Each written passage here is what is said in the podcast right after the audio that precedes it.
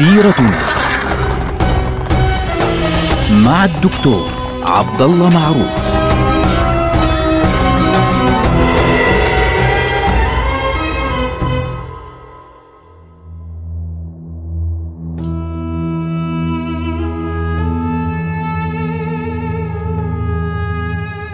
السلام عليكم ورحمة الله وبركاته. بسم الله الرحمن الرحيم. سيرتنا سيرة رسول الله صلى الله عليه وسلم التي تبدأ بها سيرة الأمة كلها، سيرة هذه الأمة العظيمة. نحن الآن في العام الرابع للهجرة.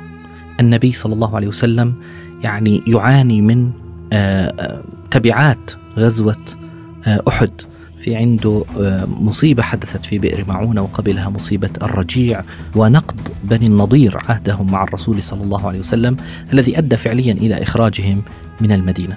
كان الوضع صعبا في تلك الفترة ولكن مع ذلك كان النبي صلى الله عليه وسلم يسعى بكل قوته إلى مطاردة أي جهة تحاول أن يعني تستغل الحدث الذي حصل في أحد وتهاجم المدينة، فبينما يأتي مجموعة من الناس يهاجمون المدينة من مثلا من قطاع الطرق من هنا يطاردهم النبي صلى الله عليه وسلم، يأتي مجموعة من هناك فيطاردهم النبي صلى الله عليه وسلم، يخرج بنفسه إلى هنا ويخرج بنفسه إلى هناك، حتى إنه خرج باتجاه نجد صلى الله عليه وسلم، حتى جاء شهر رمضان المبارك اللي هو الموعد الذي ضرب فعليا لغزوة بدر.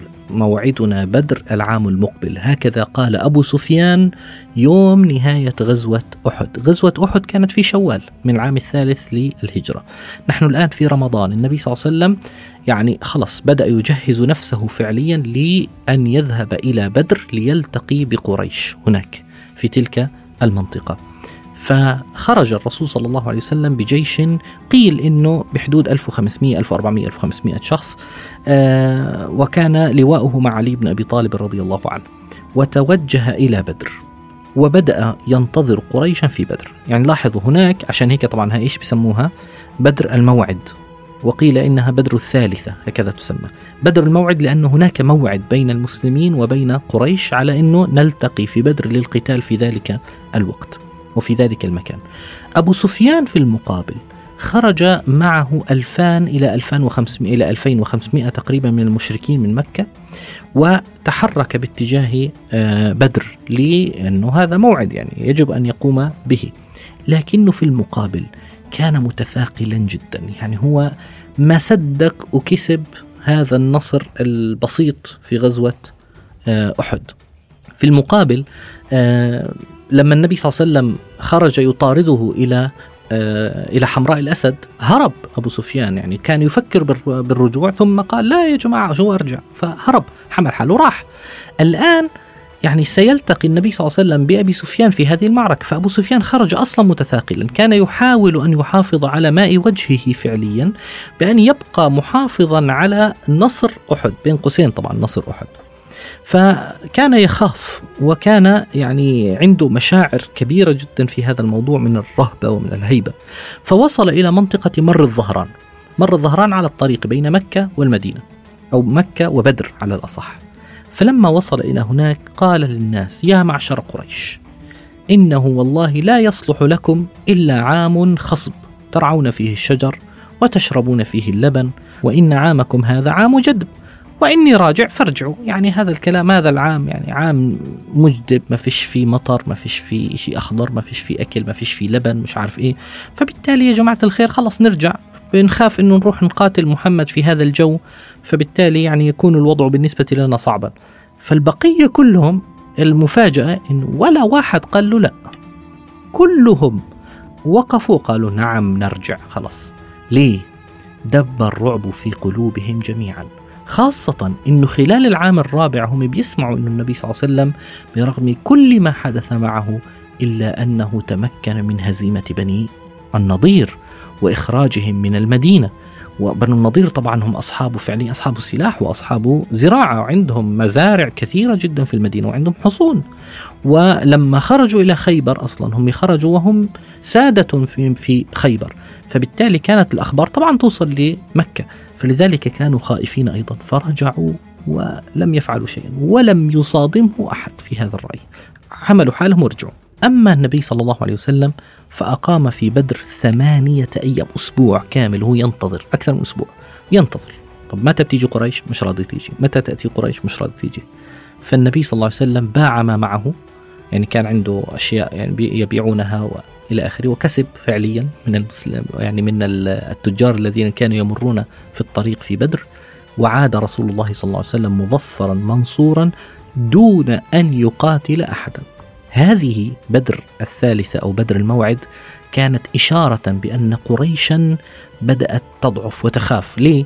هم يت... مثل اللي بيتغنى بها النصر اليتيم الذي حصل عليه ولا يريد أن يفعل شيئا يعني يمكن أن يفقده هذه الهيبة هيبة هذا النصر. هذا الذي حدث. بالمقابل الأخبار لما وصلت إلى خيبر في شمال المدينة حيث يقيم حيي بن أخطب سيد بني النضير اللي أخرج قبل كم شهر بس من المدينة المنورة عندما وصلته الأخبار غضب غضبا شديدا وقال هذا الكلام غير معقول إطلاقا. كيف قريش تخاف من محمد. وإحنا كنا أصلا حاسبين حسابنا إنه بمجرد ما تحدث بدر الثانية أو بدر الموعد ممكن إنه يحدث انتصار لقريش مرة ثانية على المسلمين وهكذا ينتهي الأمر أو هكذا هو يتخيل طبعا. فهذا الأمر جعله يعني يشكل وفدا. طبعا لاحظوا هو موجود في خيبر يعني هو دخيل على خيبر ولكنه كان له مكانة كبيرة بين اليهود في خيبر وواضح أن بني النضير كانوا من الملاك في خيبر.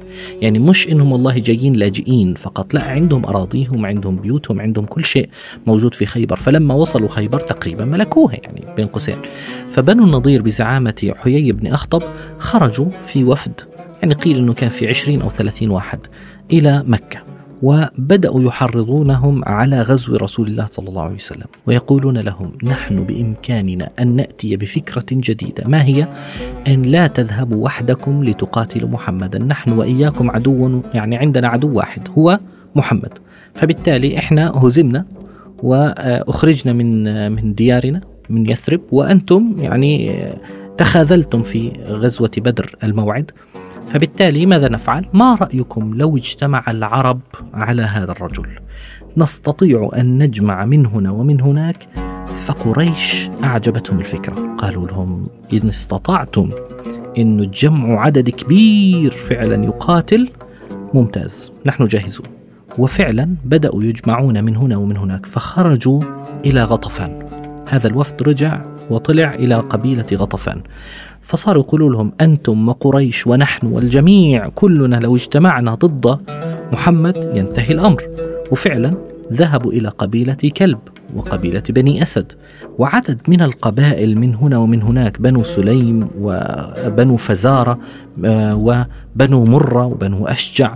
عدد كبير. هكذا يسميهم الله عز وجل الأحزاب لأنهم تجمعوا فعليا ضد النبي صلى الله عليه وسلم في المدينة. هذا الجيش العرمرم الذي تجمع إذا به خلال سنة كاملة بين السنة الرابعة والسنة الخامسة للهجرة يجتمع عشرة آلاف مقاتل. من قريش وحدها أربعة آلاف. من قريش وحدها أربعة آلاف. وقيل إنه من غطفان كمان كان هناك أربعة آلاف. وبالتالي وألفين من باقي القبائل. فبالتالي عدد كبير جدا عشرة آلاف. تعرف إيش هذا العدد؟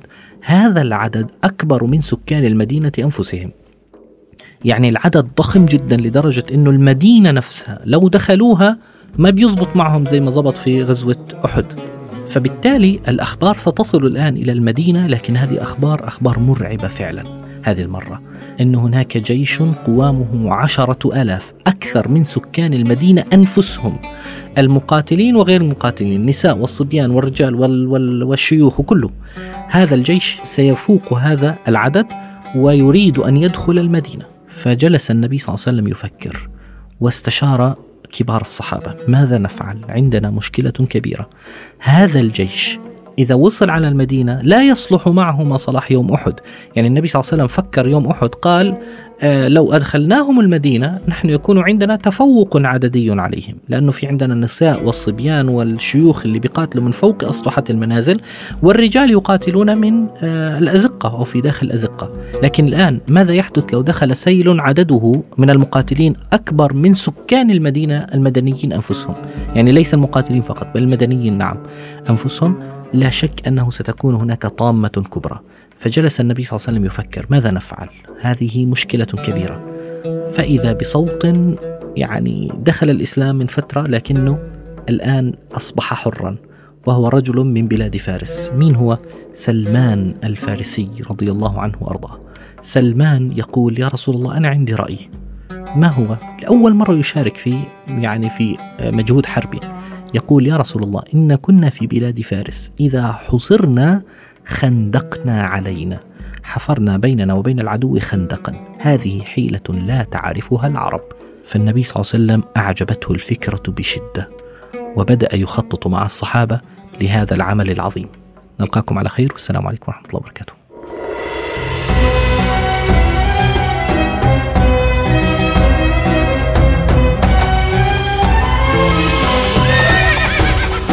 سيرتنا مع الدكتور عبد الله معروف.